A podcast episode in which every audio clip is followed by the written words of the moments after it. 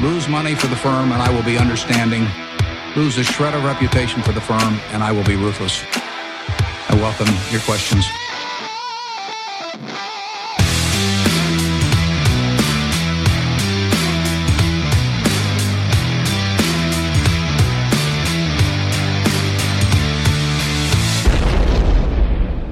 Hej och hjärtligt välkomna till Kvalitetsaktiepodden. Det är jag som är Ola. Jag som är Marcus. Ja, och det är jag som är Klas. Det här är avsnitt 113. Det här Ja, släpps alltså. Lite oturs. Ja, lite otur. Mm. När vi tänkte där. Eh, släpps torsdagen den 17 mars. Men när vi sitter här så är det inte 17 mars än. Nej. Vi spelar alltså in det här dagen innan. Så är det. För, i, för imorgon ska vi göra annat. Mm. Mm, så är det. Eh, vi vill ju precis som förra veckan skicka en tanke till Ukrainas hårt eh, prövade folk. Vi hoppas ju på ett snabbt slut på vansinnet och att de inom kort får se ett ryskt tillbakadragande ur, ur sitt eh, suveräna demokratiska land. Det hoppas vi på. Mm. Vi tackar dem för det närmast ofattbara offer de gör. För demokratin och rätten att få, bland annat rätten att få kalla ett krig för ett krig. Och en diktator för en diktator. Så Det det. finns vissa som har funderat på om de skulle vara beredda att gå ut i ett krig för den svenska demokratin. Mm. Tänk då att leva i ett land där ni måste sitta och ljuga Usch. för era barn varje morgon vad som händer i ert land. För annars kanske de säger fel sak i skolan. Mm. Och då kommer någon och hämtar er. Ja, inte och roligt. sen reprogrammerar er lite grann. Det är den typen av saker att det inte ska behöva hända som man försvarar Mm. i, i sådana här lägen. Ja. Och det händer ju även den ryska befolkningen just nu. Mm. Så här finns det, som vi sa i förra avsnittet, inga vinnare. Inga vinnare där. Sen senast då så har jag ju fått mindre gjort, till och med mindre gjort än vanligt skulle jag säga. Oj då. Det är, Okej. och då är ju OS slut Ja. och vardagen har liksom tagit vid. Eh, men jag, det kan vara lite att jag har haft lite ryggproblem va? Som Mm. jag hintade om senast. Och då har jag fått lite handfast hjälp då från min fantastiska naprapat Rauno Soko på Naprapatservice i Linköping. Ja. Han är, Ja. han är hård men rättvis. Ah, vilka händer va? Mm. Så jag har till och med kunnat smyga igång med padden igen. Ja, det är gött. Så det är ju helt fantastiskt. Så på det sättet går vi mot ljusare tider. Ja. I alla fall här i Linköping. Ja, såklart. Eh, ja, vad har ni hittat på sen senast då, Ola och Marcus? Ja, jag var ju, vi var ju på mellofinalen här i, på Friends Arena då. Mm. Eh, Det var ju en grej i helgen. Ehm, Vann rätt låt. R- ja, enligt mig. ja, eh, jag vet inte. Ja, men det gjorde det nog. Jag... Jo, men det, jag, jag, jag tyckte det. Min Mm. son var inte av den uppfattningen dock, men eh, så är det ju. Jag hade splittrat bland mina barn. Mm. Att, eh, det var ett hårt, eh, ett jämnt startfält i år. Mm. Så det är Absolut. lite kul. Ja. Mm. Eh, annars, eh, jag hugger lite ved på kvällen, på kvällarna. Mm. Det är min eh, fysiska träning just nu. Ja. Eh, fällde ju ett gäng träd på min tomt då. Mm. Plocka upp motorsågen och gick lös där då. Det var inte jag som gjorde, men de lämnar ju vedträlånga bitar av de här eh, träden då va? Mm. Som jag tänkte att jag skulle kunna då med min, eh, med, med min yxa. Det är lite prepping nu kan man säga. Ja, Så, nu, så nu, nu, nu kommer det bli, bli både varmt i kaminen och sjöglimt då. Framöver. Har två fördelar med att ta ner träd då va? Eh, nej men så att jag, jag övar mig på att hugga ved va? Mm. Det går bra får jag Ja, säga. Mm. Härligt. Men, men det och, och inga ryggskott heller. inte än så länge men det känns ju i ryggslutet det kan jag säga. Mm. Det kommer. Det Ja, kommer. det kommer. Jaha. Då? Ja, nej, men det är ju mest krig och elände. Ja. Oj. Men, men, men om vi ska ta något kul då så var det ju det här med Svedbergs emission. Eh, Vi Ja. eh, fick ju möjligheten att göra ett så kallat klockrent arbitrage där. Eh, Ja, vi- det, är, det är inte ofta. Nej, Nej det var kul. när vi lyckades byta alla våra BTA eller våra aktier mot BTA eh, de första dagarna här eh, när de handlades då. Eh, 3-4 procent fick man emellan där. Eh, och det är kul, det händer inte så ofta. Nej. Eh, och det gick mest de första dagarna där för sen eh, kom det in lite mer fler som skulle använda den möjligheten och det initiala säljflödet i BTA försvann. då. Men Mm. Det är, ju, det är ju svårt eh, tycker jag ibland att hävda att marknaden är effektiv när sådana här saker dyker upp. Då. Ja. Ja, Nej, någon, någon som vill hävda det kan ju säga att ja, men det är ändå lite skillnad, någon slags liten inlåsning med BTA-arna. Mm. Men inte ens det var det ju för att de gick upp till rätt pris efter ett tag. Så Ja, då var det ju redan, då var den ju stängd så att säga. Ja. Redan då. Kan man säga vi var en liten del av att göra den lite effektivare. Ja, så Ja. var det. Nej det var kul. Det var kul. Det, det höll, höll du på med några dagar. Mm. Det var intressant. Ja.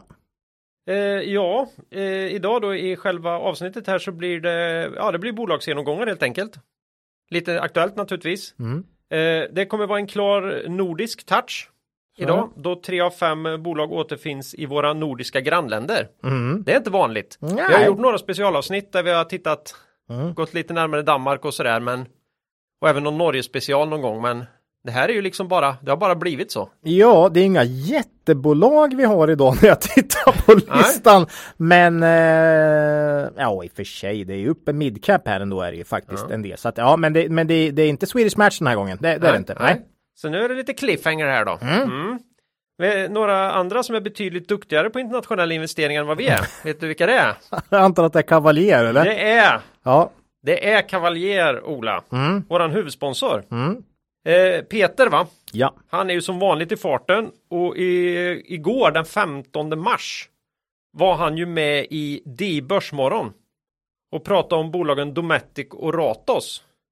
Mm. De är, återfinns ju i Cavaliers fonder. Tycker jag definitivt man ska gå in och titta på.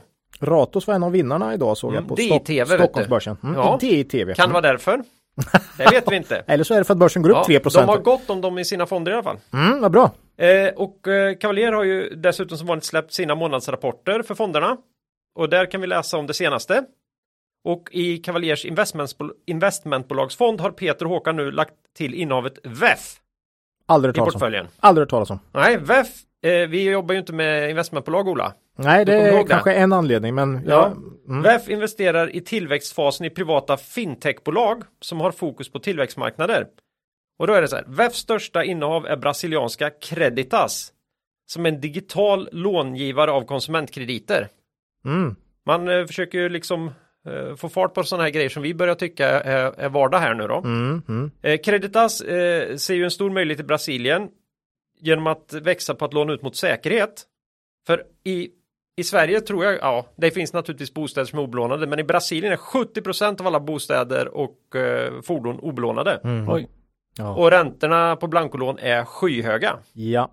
Så genom att börja jobba med säkerheter kan de ju erbjuda lån till betydligt lägre, ränt, betydligt lägre ränta. Mm. Och under fjärde kvartalet ökar Creditas intäkter med 209 procent. Jo, det är bra det. Så, så VEF här då ser Creditas som ett kärninnehav som starkt kommer att bidra till deras substanstillväxt. Och i dagsläget har de 14 bolag i sin portfölj. Spännande. Ja, låter intressant. Ja. Kan man ju få en exponering mot VEF eh, och många andra fina investmentbolag och konglomerat via Cavalier investmentbolagsfond. Och då ska man komma ihåg att historisk avkastning i fonder inte behöver vara, en, behöver vara en indikator på framtida avkastning och att ni kan förlora delar av ert satsade kapital då fonder både kan gå upp och ner i värde. Tack säger vi till vår huvudsponsor Cavalier AB. Börsdata då? Ja, men det är ju värdeinvesterarnas bästa vän. Ja. Det, vet vi ju. Mm, vår samarbetspartner. Mm. Och nu är vi ju mitt emellan rapportperioder. Och då har vi ju tidigare försökt införa begreppet screeningperioden. Ja.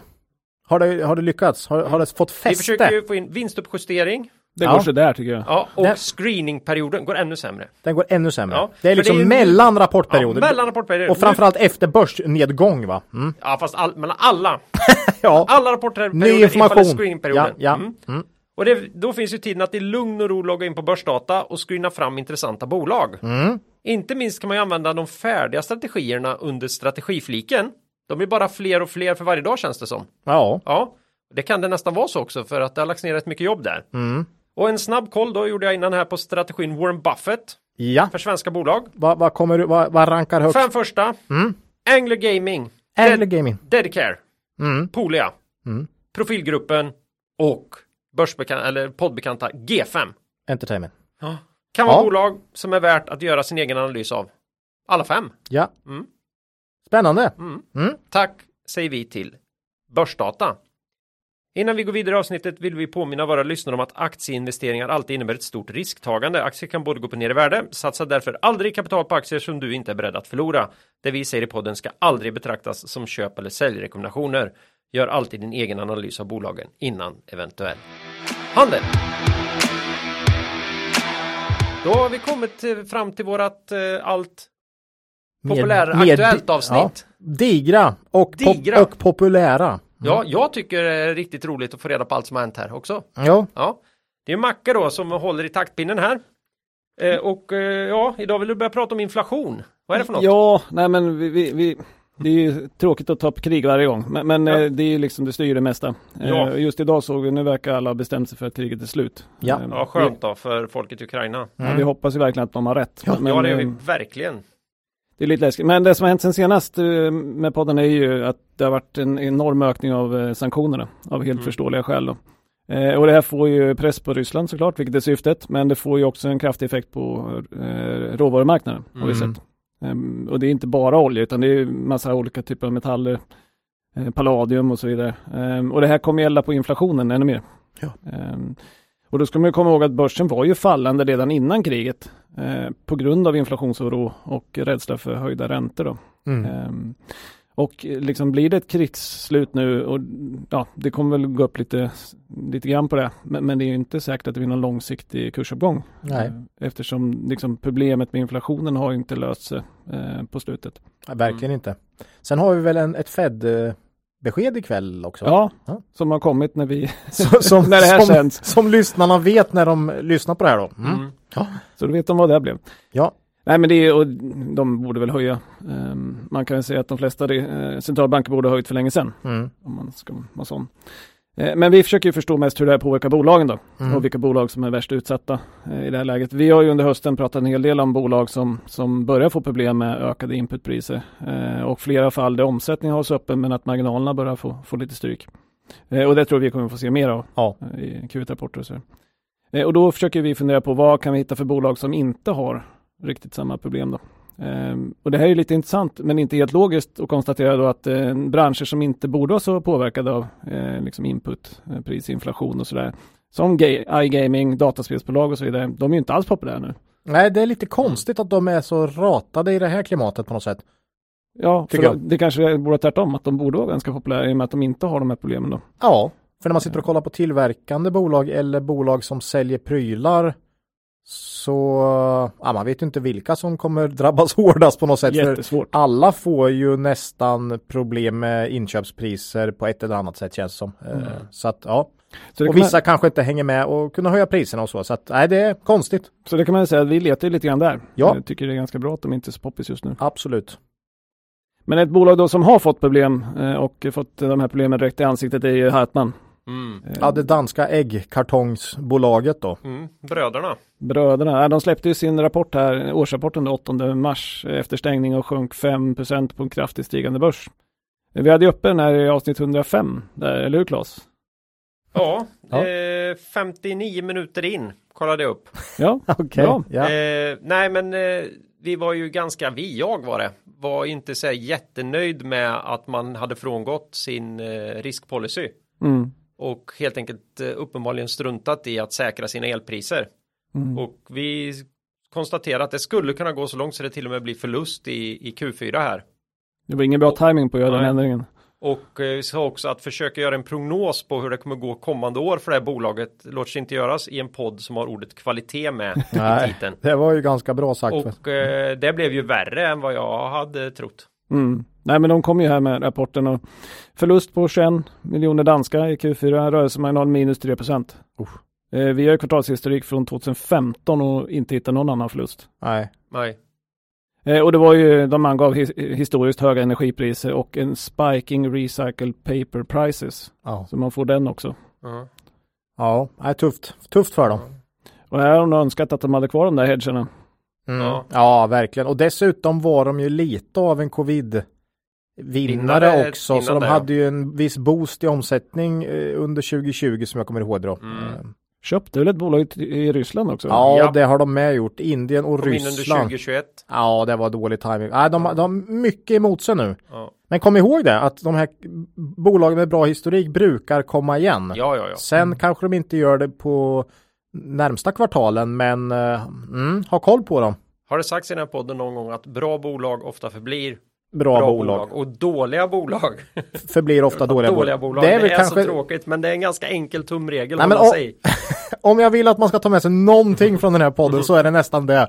Bra bolag förblir ofta bra bolag Mm. och tvärtom. Sen kan man ju ha otur med externa faktorer. Det har man ju verkligen haft här. Ja, ja, Mm. solklart. Nej, det, men sen gjorde man det lite värre om man liksom frångick det här säkringsförfarandet då. Absolut. Precis nu. Men eh, nej, de har ju allt emot sig just nu. Men eh, en ägg kommer vi säkert äta om tio år med här va. Så att eh, Ja, Mm. nej tyvärr, de ligger ju helt rätt när det gäller eh, ja, miljö och klimatutmaningen. mm, Där vi måste ändra, byta proteinkällor. Men är det någonting man inte kan piska upp sådär jättehöga stämningar runt just nu så är det ju den. mm, Utan eh, nu handlar det ju bara om eh, leveranssäkerhet här och mm. våran Europas möjlighet och USAs möjlighet att själva förse sig med energi och vara oberoende av både Ryssland och Kina. Ja, Eh, då kommer klimatet återigen hamna väldigt långt ner i.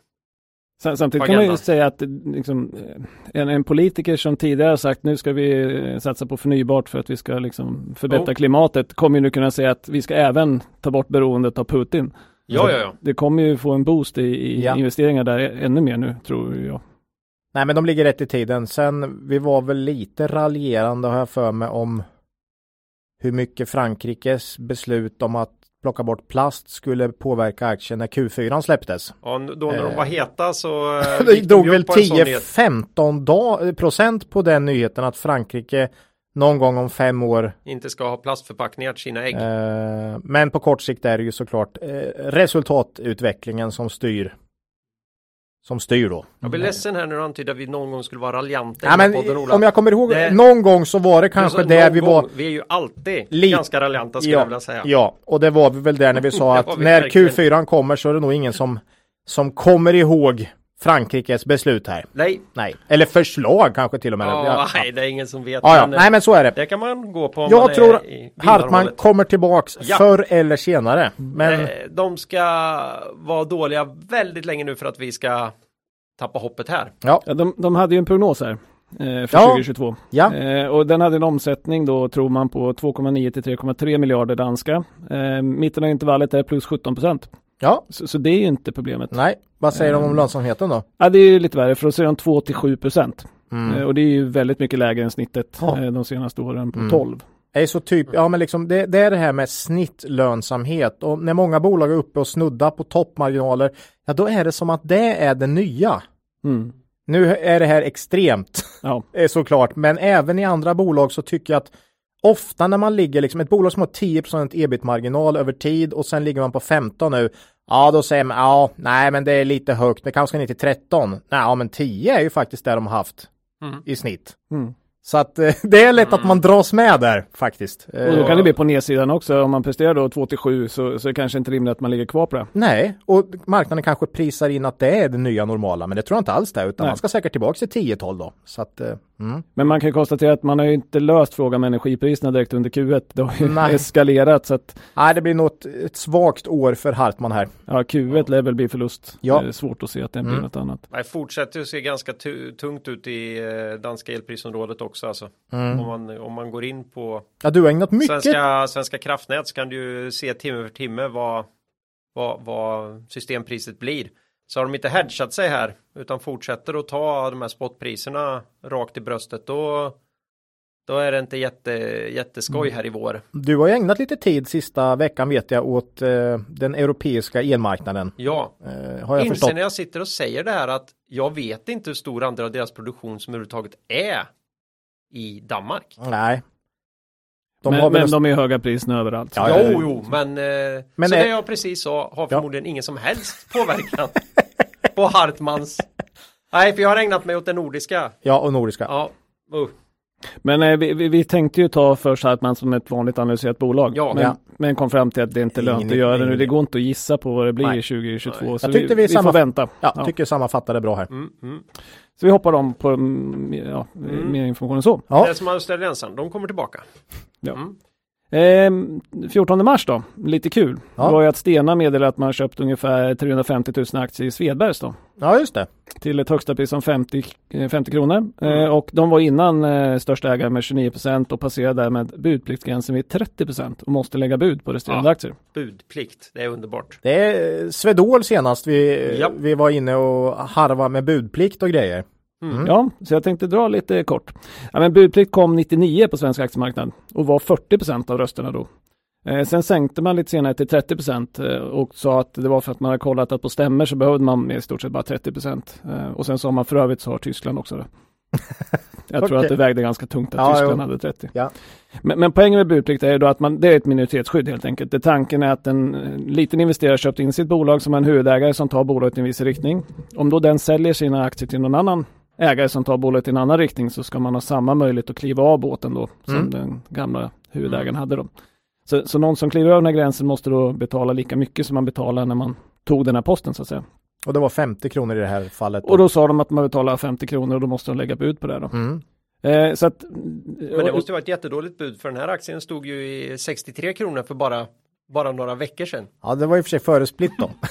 Ja, det har hänt mycket i Samtidigt, Svedbergs. den var uppe i 90 före split också, Ja, vet nej, jag. för emissionsrätterna. Ja, före. Inte För, förlåt. Ja, Split, ja, emission. gud, det var det ju. Ja. Åh, herregud. Nej men så att man har ju egentligen två alternativ när man går över den gränsen. Antingen ska man sälja ner sig under 31 eller så får man lägga bud. Men nu har Stena sagt att man ska lägga bud. Så att det ska komma ett sånt här. Eh, man sa ungefär den 22 mars då. Eh, sen kan man notera att i budplikt så, så måste man erbjuda kontantbetalning. Det måste du inte i ett annat bud. Det såg vi i Aspire. Det var en blandning av kontanter och eh, aktier. Mm. Och så får man inte sätta upp några villkor på anslutningsgrad och så vidare. Så man ju kan göra andra bud. Och andra bud så vet man ju då inte om de går igenom eller inte. Men här vet man att de måste köpa de aktier de får in så att säga. Så att man får ju helt plötsligt en option här på att sälja sina aktier på 50 kronor. Och 50 kronor är ju sämre än det var för en månad sedan men det är mycket bättre än 35 kronor i emissionen. Då. Jag Ehm. hoppas att, visst tar vi i förra podden att vi hade köpt in en hel del Svedbergs? Ja vi sa det och att vi skulle köpa mer. Ja, ja. Så, Vi köpte ju i slutet av, av emissionsperioden där. Och en del rätter extra och så. absolut. Så Svedbergs seglade ju upp som vårt största innehav här. Eh, så att, nej men det, har, det var ju, men det, det här hade vi ingen aning om. Nej, den gick upp 18 procent en dag. Frågan är om inte Stena var inne och köpte en hel del den dagen. Måste nästan ha varit så. Ja, Det, Och det var lite märkligt nästan, hela och historien. sen 8 procent dagen efter om jag kommer ihåg Mm. rätt. Men vi har ju kvar alla våra aktier här som vi Ja, köpte in här i raset eh, och funderar väl lite på vad vi ska göra. ja, exakt. Nej, men det är ju 50 kronor och det är precis som du sa Claes, det är inte superbra om man går tillbaka en liten bit tillbaka. Vi har ju 4 och 10 i prognos då. Drygt P 12,2. Mm. Det är inte Nej, jättehögt, Nej, liksom. det är inte högt. Nej. Så att eh, jag, alltså, jag förstår. förstår ju jag, hade, jag hade också velat köpa ut bolaget på 50 spänn om jag hade Ja. haft råd. Eh, men eh, nej, jag tror inte det. Jag, jag gissar på att de inte får in särskilt mycket aktier. Eh, Ja, vi får se. Det, Mm. det beror på vad som händer liksom om fredsförhandlingarna kraschar och lite så. Man Ja, vet lite, aldrig lite, riktigt. lite så är det ju. Så du får ju en gratisoption på att eh, Ja. eventuellt sälja Ja, på 50. Vi ja. får ju se, vi har inte bestämt oss riktigt hur vi ska Men vi har göra. inte sålt en enda aktie än. Nej, men vi, vi, vi får se. Det beror på alternativen också. Ja, ja, Mm. Eh, Om det kommer något väldigt intressant i annat. ja, precis. Eh, Men eh, spännande och eh, bra. Ja, precis. Eh, Vi har, ett, motiver- vi har ett motiverat värde som är högre än 50 så kan vi säga. Ja. Eh, Mm. Så mm, vi får se.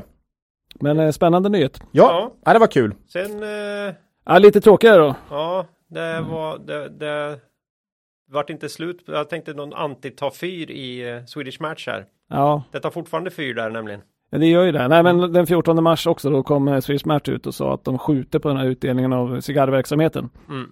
Vi gick igenom Match i avsnitt 109 eh, och sa där att vi såg väldigt positivt på den uppdelningen för att eh, man skulle få Match till ett rökfritt bolag, vilket attraherar ganska många, tror vi. Mm. Och därför är det klart negativt att det skjuts upp. Bolaget sa att beslutet bes- beror på regulatorisk osäkerhet kring cigarrverksamheten då. Och sen blev det lite komplicerat. Man sa att man har informerats av amerikanska FDA då eh, om att cigarrer som motsvarar 3% av eh, cigarrvolymen eh, nekats ett substantial equivalence eh, betyg. eh, och det är inte helt, men, men det verkar vara så att man, och, och det kunde inte uteslutas att, man, att fler ansökningar skulle avslås då. Eh, och bakgrunden är att FDA började reglera cigarrer 2016 och då satte man datum i 2007 och sa att alla tillverkarnas eh, sortiment måste jämföras med hur produkterna var då, 2007. Då får man inte gjort några stora förändringar av dem För, för de var godkända med det eh, 2007 då. Okej. Det, det här påminner lite grann om, om EU då, när man liksom, man får inte, ny, man får inte eh, sälja snus då. Som ju kanske, eller som är bättre än ci- cigarrer, eh, cigaretter i, i ett folkhälsoperspektiv. Men eftersom man har godkänt de andra tidigare så vill man inte godkänna något nytt nu, även om det råkar vara eh, mindre farligt. Då, så. Mm. Mm. Och lite grann är det här med det här, man, man, man godkänner det som var 2007 och det som är lika med 2007 men, men inte någon produktutveckling som har skett senare då. Och det är ganska svårt att veta hur, hur det här kommer landa. Eh, Match har gjort en hel del förändringar med liksom förpackningar och lite smaksättning på, på, på cigarrerna och så vidare. Så det är ganska svårt för dem att veta hur, hur det kommer gå. Eh, och då är det inget bra att ha en noteringsprocess igång när man inte vet var det Nej. kommer landa så att säga. Så de drar tillbaks den, eller vet, de vet inte när det blir av nu då? Ja, eller man, man sa man, man sätter det, lägger det på is så länge. Ja. Eh, man kommer ta kostnader för, för processen i Q1, man har sagt upp rådgivarna. Eh, man sa inte hur mycket kostnader det kommer bli, men det blir en del eh, gissningsvis. Eh, och så ska man återuppta den här processen när man har fått eh, potentiella effekterna klarat för sig. Eh, och man har ingen plan i nuläget. Men, men som ger lite hänsyn, eh, kursen föll f- 4 eh, och den här positiva triggern som uppdelningen innebar skjuts ju då fram, eh, vilket är synd. Ja. Mm. Ja, så är det. Tyvärr. Med regulatoriska bolag. Ja, regulatoriska risker. Regulatoriska risker. Ja, vi har haft uppe mycket på sistone. Ja, Mm. det blir nog bara mer och mer med tiden tror jag. Mm. Det är tyvärr ganska många som har slagit in också om man tittar på det. Ja, verkligen. Ja, verkligen. Mm. eh, så avslutningen då, så det var en intressant tweet från eh, Handelsbanken som jag tänkte ta upp. Eh, de har nämligen sagt, eh, i alla fall i den här, enligt den här tweeten då, att de skulle slopa sina riktkurser på 12 månaders sikt. Eh, som de har haft i alla analyser och istället ge en kort tre månader och en lång tre år. Spännande. Det, Det det är här intressant. tyckte vi vi kände igen lite, lite grann. Ja, Lite som vi ofta jobbar, att Mm. på kort sikt kan det här nog vara riktigt illa eller riktigt bra. Mm.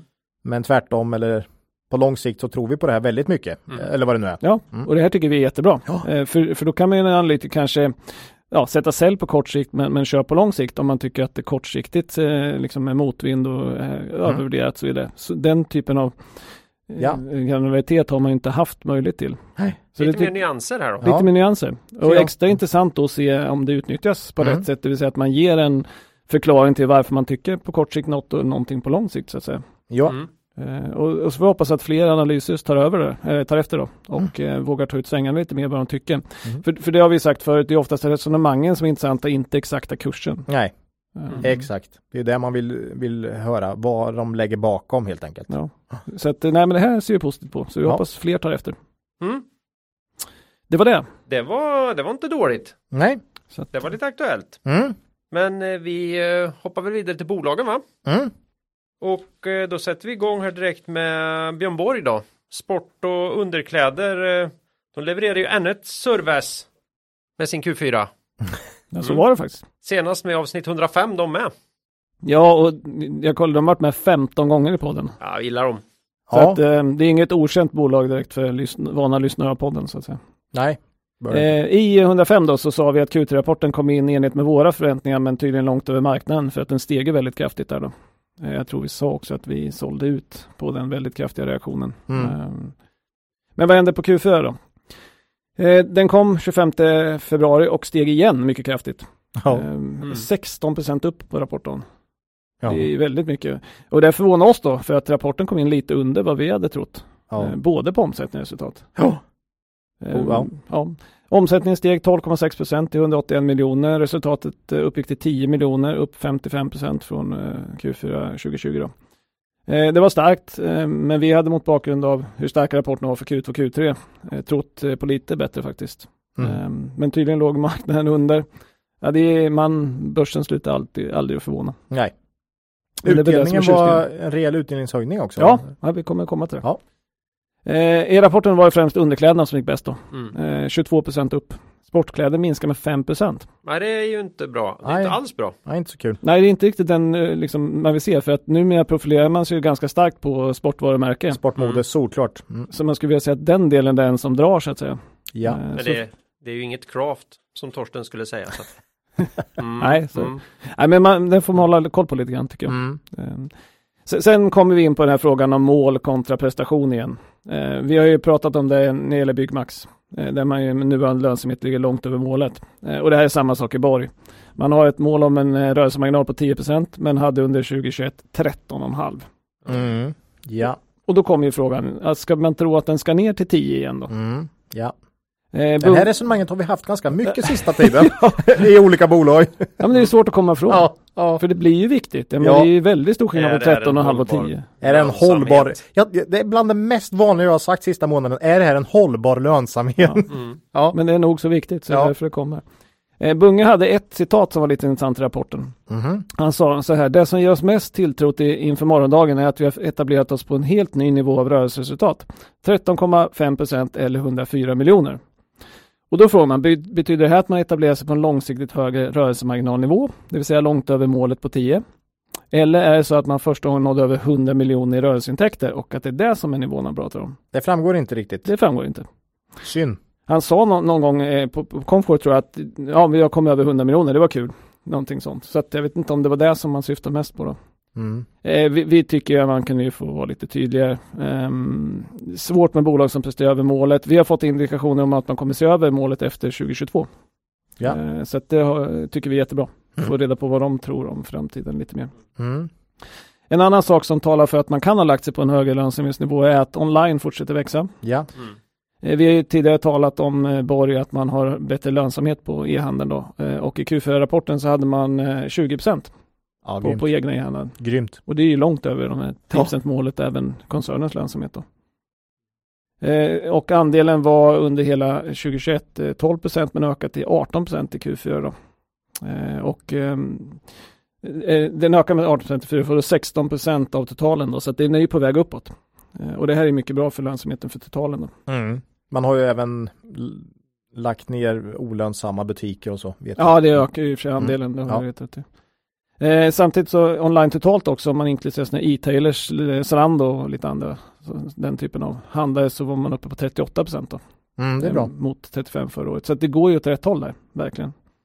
Eh, så att, eh, ja, vi får se. Eh, däremot så var eh, Q4 lite lägre andel eh, på online. Och det är inte bara, vi har ju sett det i flera andra bolag också, att just Q4 var lite sämre än resten av året. Ja. Får se om det är en trend eller Mm.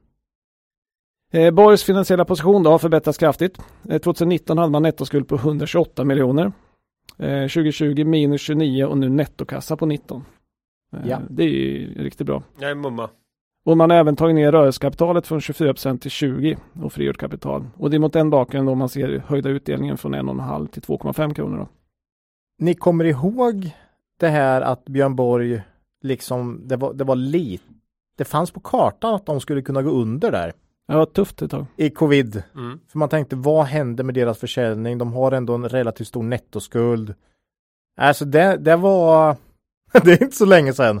Det var väl nere i nästan 10 spänn. Ja, nå- ja Någonstans. det var de. ungefär. Och nu 50 då nästan va? Ja, nästan. Ja, mina barns eh, fondsparande, eller ja, jag sparar i aktier men fondliknande till dem.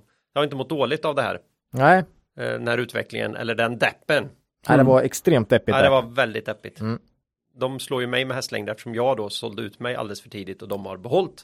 Du säljer ju alltid ut dig. Ja, nej, på, nej. på många olika sätt. Ja, Nej, ja. men det är svårt att hålla sånt här och tro att det bara ska fortsätta, men det har du ju verkligen gjort här. Absolut. Heja barnsparet. Heja barnspår. Hej, Mm, eh, mm. buy and hold. Ja, just det, så hette det. Det var det jag gjorde där.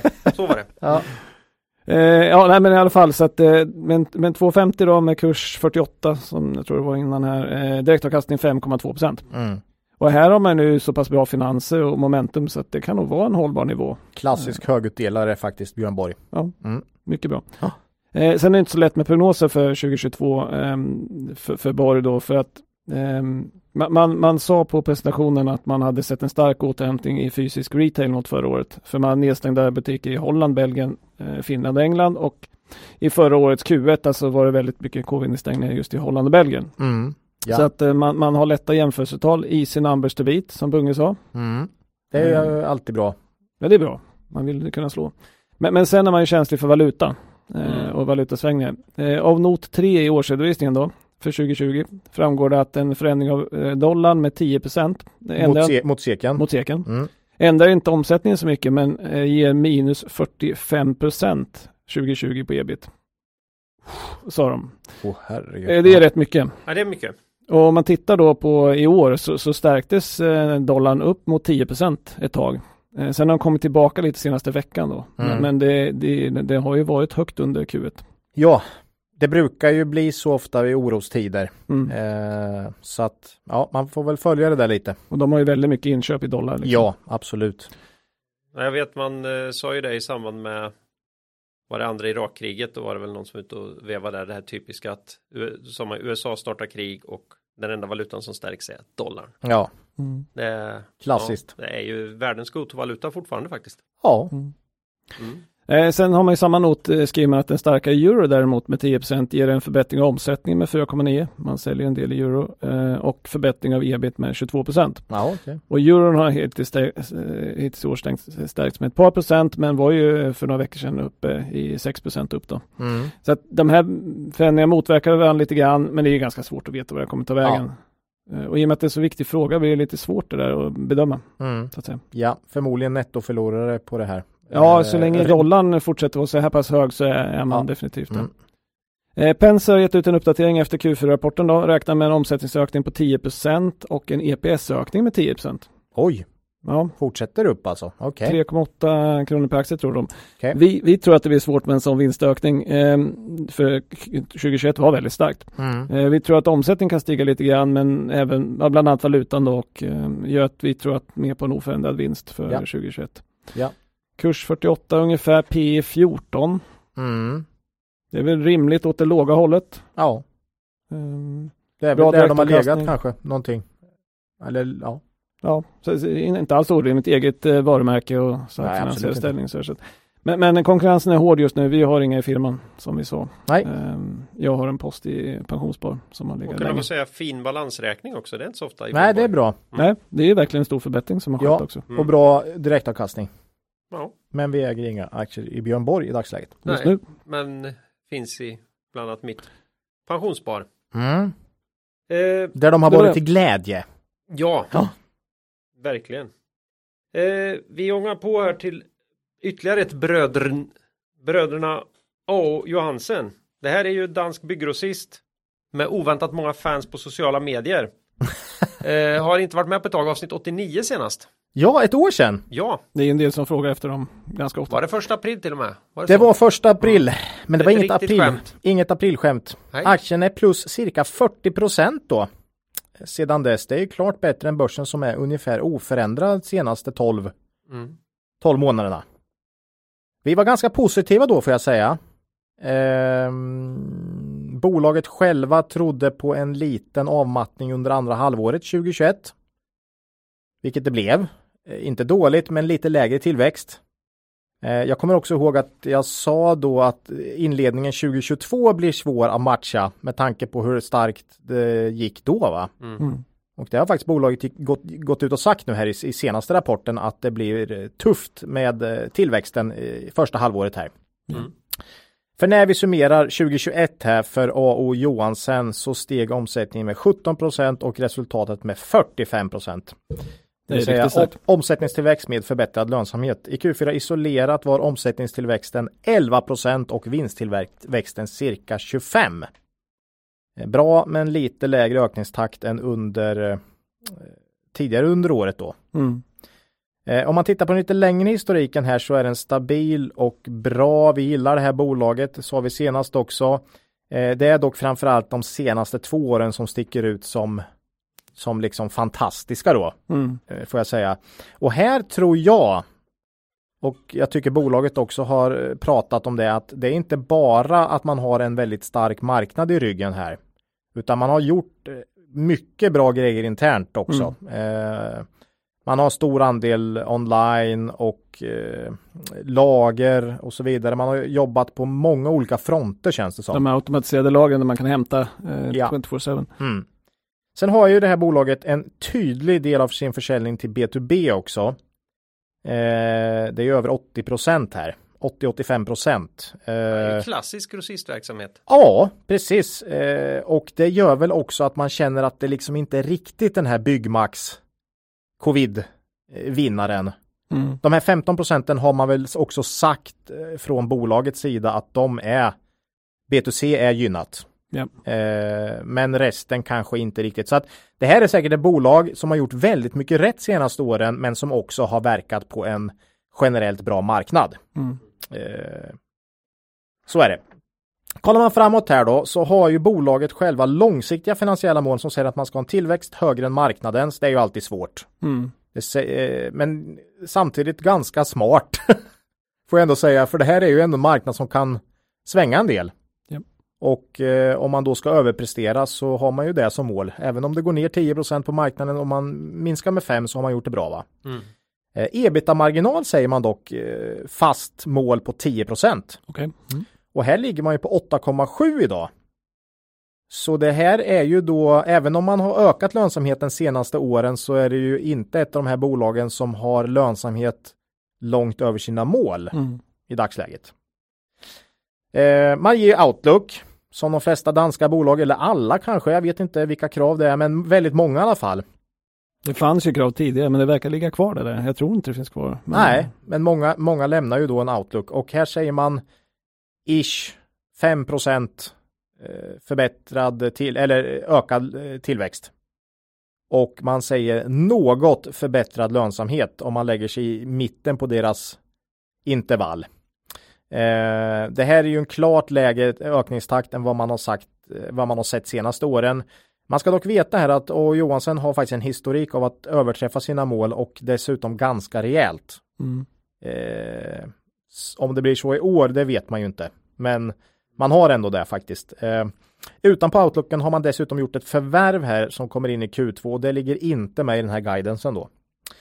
Eh, jag kollade på vad det här skulle kunna resultera i, i vinst per aktie och jag la mig i nedre delen av bolagets guidance. Jag brukar ganska ofta göra det för att vara eh, ni vet hängslen och livrem va. Och sen la jag till lite vinst från det här förvärvet och då landade jag på cirka 100 kronor i vinst per aktie. Jämnt och bra va? Mm, det är bra. På kurs 1100 kronor. Ja, ni hörde rätt. Det är ett sånt här bolag med extremt hög aktiekurs då. Och vad beror ofta det på? Att det har gått bra. Mm. Ja. ja. Det är svårt att ta sig dit om det går dåligt. det blir P11. Mm. Eller hur? Det går vi med på. Det går ni med på. Man säger från bolagets sida också det här som jag pratade om innan här att tillväxten under inledningen av året kommer vara låg. För att sedan förhoppningsvis öka under andra halvåret då. Intressant att påpeka här är inför stämman då, då man har eh, föreslagit en utdelning på 45 kronor per aktie upp från 15. Det är det, kraftigt. Det är ju rejäl mm. höjning. 4% direktavkastning. Även då inför stämman föreslår man att dagens preferensaktier omvandlas till mer klassiska B-aktier då. Det gillar vi. Ja, jag sa senast när vi pratade om A.O. Johansson att jag inte såg något, eh, något problem med de här preferensaktierna, men jag tror nog ändå att många som gör en snabbtitt på det här inte kanske fortsätter när man ser preferensaktier. Mm. Eh, så att det finns nog kanske en, en del som som eh, kommer söka sig hit som inte hade tittat annars. Det var ju lite konstigt, det var ju ingen riktig preferens, men det hette så. Ja, så det är väl jättebra. Sen har man även föreslagit split 10 till 1. Mm. Vilket kan vara, brukar vara bra. Det brukar det faktiskt. Ja, kostar en aktie 110 spänn istället sen. Ja, precis. Och i våran erfarenhet något Bruk mer förmodligen. brukar ofta få mm. den effekten. Mm. Mm. Uh, så att det är lite intressanta grejer. Man gör en hel del aktieägarvänligt nu skulle jag säga. Eh, risker jag och Johansson här är ju såklart en konjunkturavmattning skulle jag säga och eh, konsekvenser det skulle få på bolagets verksamhet. Vi har ju några riktigt bra år konjunkturmässigt eh, faktiskt bakom oss. Högre räntor, lägre bostadsbyggande eh, är säkert också negativt. Om det skulle, skulle bli så. Fraktpriser, valuta borde kunna påverka bolaget negativt. Eh, och såklart finns det ju viss risk för att B2C-segmentet då har haft en, eh, en viss boost mm. eh, under covid. Men som sagt, det är ju bara 15 procent då. Ungefär. Eh, med det sagt så är ju aktien inte dyr och även om man skissar på lite sämre scenarion här än vad bolaget själva tror på så tycker jag man får ihop den här kalkylen. Eh, jag tycker bolaget har också levererat riktigt starkt. Även före senaste två åren så har man en bra stabilitet. Mm. Eh, vi har faktiskt köpt in en liten bevakningspost här i A. Johansson efter den här senaste tidens nedgång då. Eh, för att, eh, ja, känna lite. Hålla den nära hjärtat. Ja, får se om det blir läge att köpa mer under året. Det skulle ju kunna bli så att marknaden blir besviken på Q1. Mm. När man nu säger då eh, själva bolaget att man har lägre tillväxt och nu har man ju ett par år här med varje kvartal tvåsiffriga vinstökningar, eller hur? Om man nu liksom då får en flat utveckling eller kanske lite ner till och med. Mm. Då kanske marknaden kan bli lite sådär sur, mm. även om aktien inte är dyr. Nej, den har ju ändå gått ner i år så det kan ju tänkas att marknaden har redan diskonterat in ja. det. Men det vet man inte. Nej, P11 är inte dyrt. Dock ska man komma ihåg att det är åtminstone innan dagens uppgång här på börsen så var det betydligt fler bolag som handlas till P runt 10 efter nedgången än vad det var här i höstas. Så att eh, P11 sticker kanske inte ut riktigt på samma sätt. Men nej, jag tycker det här är ett fint bolag. Jag får lite Swedol-känsla. Kanske Ahlsell är mer Närmare, närmare peer men samtidigt och Johansson känns mer lättfotat, mer online. Eh, ja, jag tycker mm. det, det, här är ett bra bolag. En ty betydligt tydligare B2C-del. Eh, B2C 15 procent, mm. B2B 85 ungefär då. Mm. Eh, så att, eh, jag, jag, vi gillar det här bolaget, precis mm. som vi sa för ett år sedan. Och en liten bevakningspost får vi se här. Eh, kan väl hoppas på lite sämre Q1 kanske. Mm. Om man vill köpa mer. Men samtidigt utdelning dras här nästa vecka. Så är det. Ska man vara med på den så ska man ju äga det nu då. Mm. Och den här splitten kan ju vara en sån här grej, ett så kallat event. Jag såg, hittade inget datum på den. Nej, det är ju inte spikat än, utan det är väl uppe på stämman så får man väl se då. Förmodligen ganska kort efter stämman. Ja. Eh, nej, men så att det är ett spännande bolag. Eh, och Johansen fortsätter bevaka det, följa det.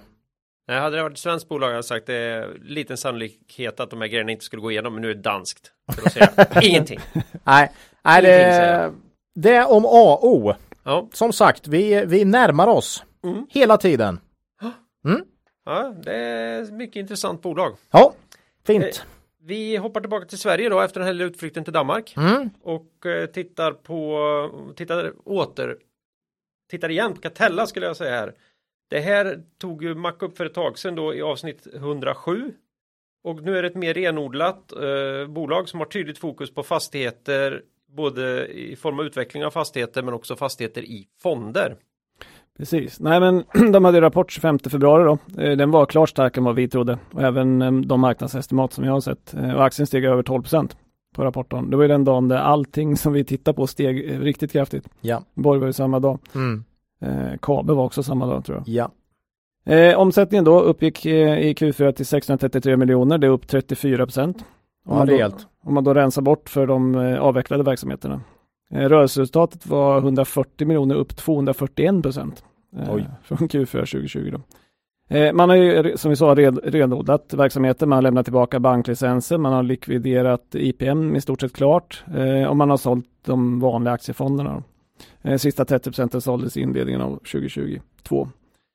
Eh, det har varit en del skrivningar i media som ni kanske har läst om Catella Fonder och eventuella tveksamma eh, transaktioner med, med intressekonflikter. Men, mm. men de här har ingenting med noterade Catella att göra utan det är den nya ägaren av fonderna som har haft en del transaktioner som, som går att diskutera.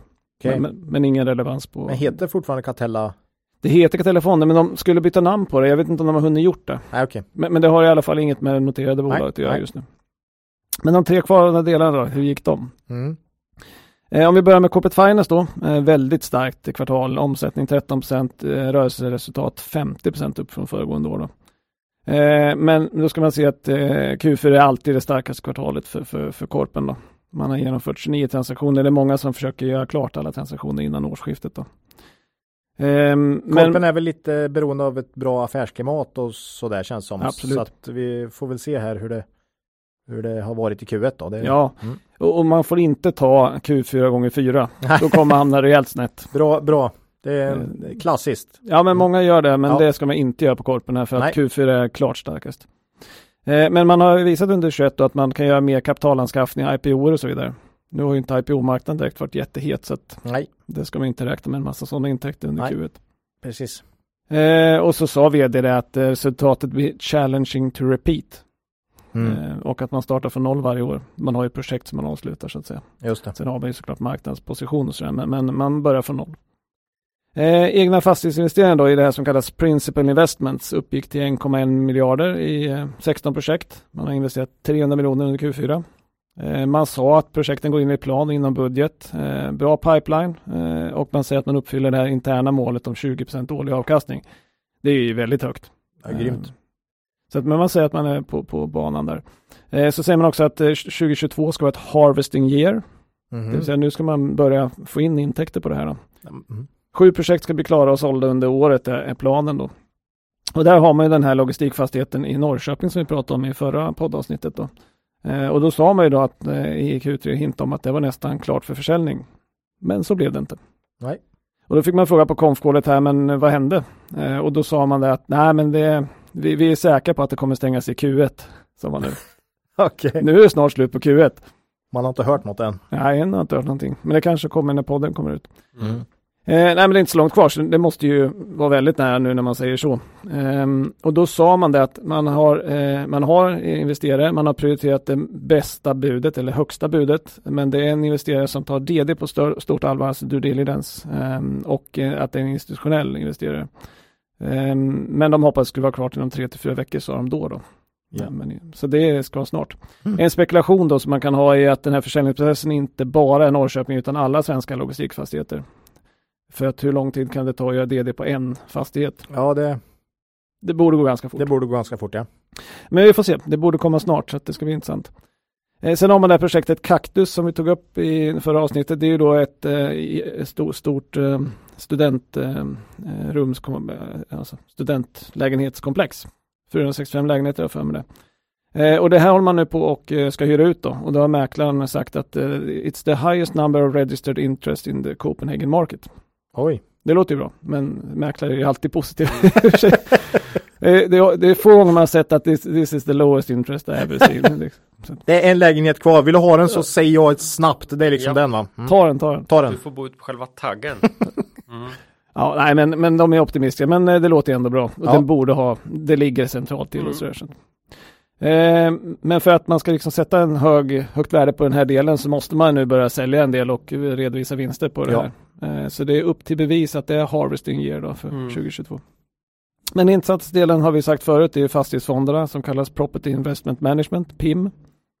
Eh, Den här delen hade inflöde i fonderna på 11 miljarder i Q4 eh, och upp i 123 miljarder i förvaltat kapital. Ja, Så mycket. Mm. Stark tillväxt. Ehm, man hade under hela 2021 inflöden på 26 miljarder. Då. Ehm, omsättning 31 procent upp, resultatet 179 procent upp. Oj. Rörelsemarginal 26 procent. Så det är fina siffror i den här delen. Ja. Eh, sen sa man också att man har 12 miljarder utlovat kapital som ska in i fonderna. Då. Det är lite svårare än en aktiefond för att du måste ju hitta fastigheter att köpa så därför får man kapital som är utlovat då, men man har inte investerat ännu. Det är lite grann som de här PE-fonderna som har en massa eh, liksom, kapital som kommer tillskjutas så snart de hittar ett bolag att köpa. Då, så Ja, ja. Eh, att det var så bra resultat var också för att det var mycket rörliga avgifter i Q4. Eh, man gjorde många transaktions, transaktioner i fonderna för man har en avgift man köper och säljer i fonderna. Mhm. Här är det nästan helt omöjligt för en utomstående att liksom Mm. ha någon aning. Men man såg ju på korpen att det var mycket transaktioner också. Och sätter man upp nya fonder så blir det en hel del liksom, transaktioner för att sätta upp dem. Så. Mm. Man fick faktiskt på, på konfkåret frågan, men är det inte lockande att göra väldigt många transaktioner då? Eh, Det är klassiskt. Ja. Mm. för att få upp avgiften och då sa han stil med att det, det, vi gör det som är bäst för, för våra fondinnehavare och det är inte liksom säkert att det är att köpa och sälja så mycket utan mest hålla. Mm. Ja, nej men eh, men, men att det var så mycket rörligt var väl en anledning till att vi låg snett och marknaden låg lite för lågt i, i eh, prognosen. Då. Mm. Men nu kan vi sammanfatta hela 2021 och då kan man säga att PIM de senaste sju åren då vuxit förvaltarkapital med 21,4% i snitt. Mm. Intäkterna 23,1% och ebit 37 Ja, det är grymt fina siffror. Det är enormt imponerande. Och att marginalen stiger mer än intäkterna eh, och förvaltar kapital är ju logiskt då för man har mer och mer skaleffekter. Mm. Eh, på konfkåret fick vd fråga om eh, inlåsning i fonderna och sa också att även om det oavsett om det är privata eller publika fonder så är det minst 12 månader för att ta ut eh, kapitalet då. Eh, för man måste ju ha en inlåsning i och med att det är fastigheter, inte som en aktiefond där man bara kan sälja av innehaven så att säga. Men det här gör ju också intäkterna blir lite mer kretiga än om Om man kunde ta ut pengarna direkt då så att säga. Alltså det kan liksom inte vara som ett normalt, nu har det varit fonduttag eh, i vintras här från många Ja, aktiefonder och så. aktiefonder. Så det blir det ju inte på samma sätt. Nej, här. det ska inte behöva så, utan de ska kunna planera eh, i sådana fall försäljningar. Ja, Eh, meddela utdelning på en krona, höjning från 0,9. Det ger direktavkastning 2,5. Det är inte så superhögt. Men det är ju för att man vill investera i de här fastighetsprojekten. Eh, och om man då uppfyller det här med 20% avkastning så är det klart att man ska göra det. I förra avsnittet hade vi en liten uppskattning av delarnas värde. Vi satte Korpen 6 gånger ebit, PIM 15 eh, gånger ebit och sen hade vi en, ett uppskattat värde på investeringar, finansiella placeringar och så vidare. Slutade 69 kronor per aktie. Eh, kalkylen känns aktuell även idag efter starka Q4-rapporten. Ehm, man ska ha med sig dock att värderingsantagandet på PIM här slår kraftigt både upp och ner mm. Eh, beroende på vad man sätter det. Eh, ABG och Redeye har gett ut nya uppdaterade analyser efter Q4-rapporten här då. Eh, och de har lagt in försäljningsintäkter från, från eh, fastighetsprojekten då i sina kalkyler. Mm. Det har inte jag gjort för det är nästan omöjligt skulle jag säga. ja. Men de har försökt sig på det i alla fall och då landar ABG en vinst på 4,08 per aktie och Redeye 4,70. Det är med kurs 40, P 10 kontra 8,5. Mm. Och det är inte högt och det är intressant för att då har man ju liksom gett en multipelvärdering på de här vinsterna inom fastighetsinvesteringarna. Och det är ju det Catella vill. Ja. Men det finns ju lätt hänt att man säger att det är två kronor per aktie och så ser man det som en engångsintäkt. Mm. Så vi får ju se, det får ju också ganska stor påverkan på värderingen om man ser det som en eh, liksom löpande vinst som ska ge en multipel eller om det är en engångsintäkt så att säga. ja, precis. Men ska man sälja sju stycken projekt i år så lutar det väl kanske lite mer åt att man ser det som en del av vanliga verksamheten. Mm. Eh, riskbilden är ju som tidigare eh, ökad inflation möjligtvis ger höj, höjda räntor, mindre transaktioner på fastighetsmarknaden. Eh, kommer det här skulle slå mot korpen eftersom det inte blir lika många transaktioner. Det kan slå mot de egna investeringarna såklart eftersom de inte får samma värdeutveckling och kan slå mot fonderna för de inte går lika bra och inte får lika mycket intäkter. Mm. Och det som är lite jobbigt just nu är att inflationen ser ut att bita sig kvar och att centralbankerna kan behöva höja räntorna. Mm. Ehm, Så så det är något man måste ha med sig eh, när man investerar i Catella, att eh, det finns, finns en riskbild där. Eh, Och det är det som har gjort att vi bara har en liten post i firman i det här. Mm. Som vi sa förra gången, vi är lite osäkra just vad det kommer ta vägen så att säga. Ja, och man, man har ju varit en stark bostadsmarknad och fastighetsmarknad under många år nu. Så Mm. att, mm. Så lite svårt läge. Det, Ja. det går väldigt bra men det finns en riskbild som man måste ha med sig så att säga. Ja, absolut. Ja. Men så är det. Ja. Eh, men de gör väl, mycket av det de har sagt eh, händer nu. Ja. I alla fall, så kan man säga. Det måste Ja, man säga. Och Ja. skönt att bankdelen är Avveckla. borta nu. Mm. Så det Japp. blir lite renare det här. Mm.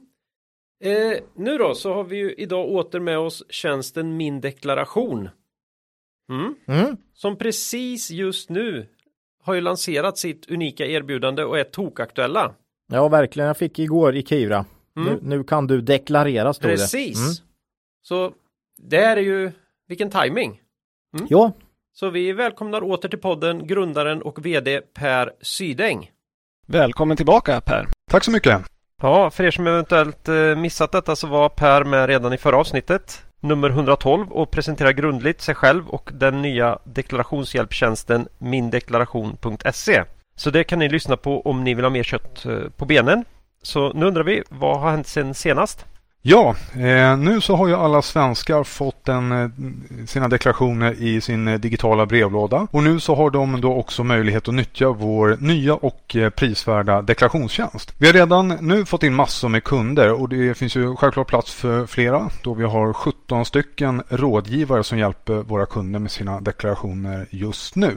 Vi riktar ju oss till alla privatpersoner som ska inkomstdeklarera och vi har redan märkt ett stort intresse runt omkring personer som sålt bostäder under förra året eller handlat i en aktiedepå där uppgifterna inte kommer förtryckta från Skatteverket som de gör på många försäljningar genom till exempel Avanza och Nordnet. Även kryptovalutor vill många ha hjälp med. En stor andel i vår försäljning ligger just nu på eh, bostadsdeklarationer då, då det finns många skattetekniska fördelar att nyttja. Till exempel hur man fördelar utgifter mellan makar, man tar del av uppskov, nu då uppskovsräntan försvunnit förra året, och även att se över sin deklaration i sin helhet och inte bara som mäklare ofta gör där du enbart får underlag på själva bostadsförsäljningen utan att vi kikar på hela deklarationen. Då.